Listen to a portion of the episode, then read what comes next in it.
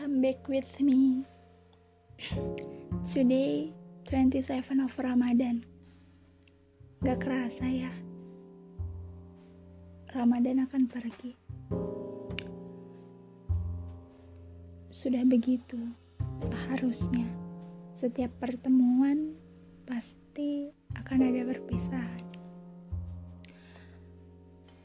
Ramadan akan pergi dengan keikhlasannya yang telah menaburkan banyak pahala dan keberkahan untuk semua umat di muka bumi.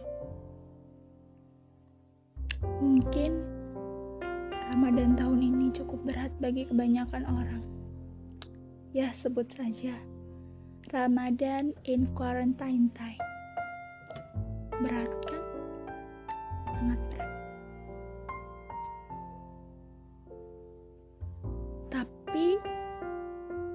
Kita bisa melewatinya. Buktinya sekarang kita udah ada di ujung-ujung Ramadan. Tinggal menghitung hari menuju hari raya. Satu, dua, atau tiga hari. Kita akan bertemu hari kemenangan. Mungkin setelah ini akan ada banyak ribuan rindu yang menantikan datangnya Ramadan kembali.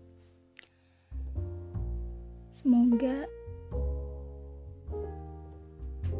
kita bisa bertemu di Ramadan tahun-tahun selanjutnya. Amin. Selamat bagi mereka yang menggunakan banyak waktu berharganya selama bulan ini. Menggunakan waktunya dengan baik untuk melaksanakan ibadah yang seharusnya dilakukan. Semoga Ramadan tahun ini menjadi kenangan yang sangat indah bagi kita semua. Amin.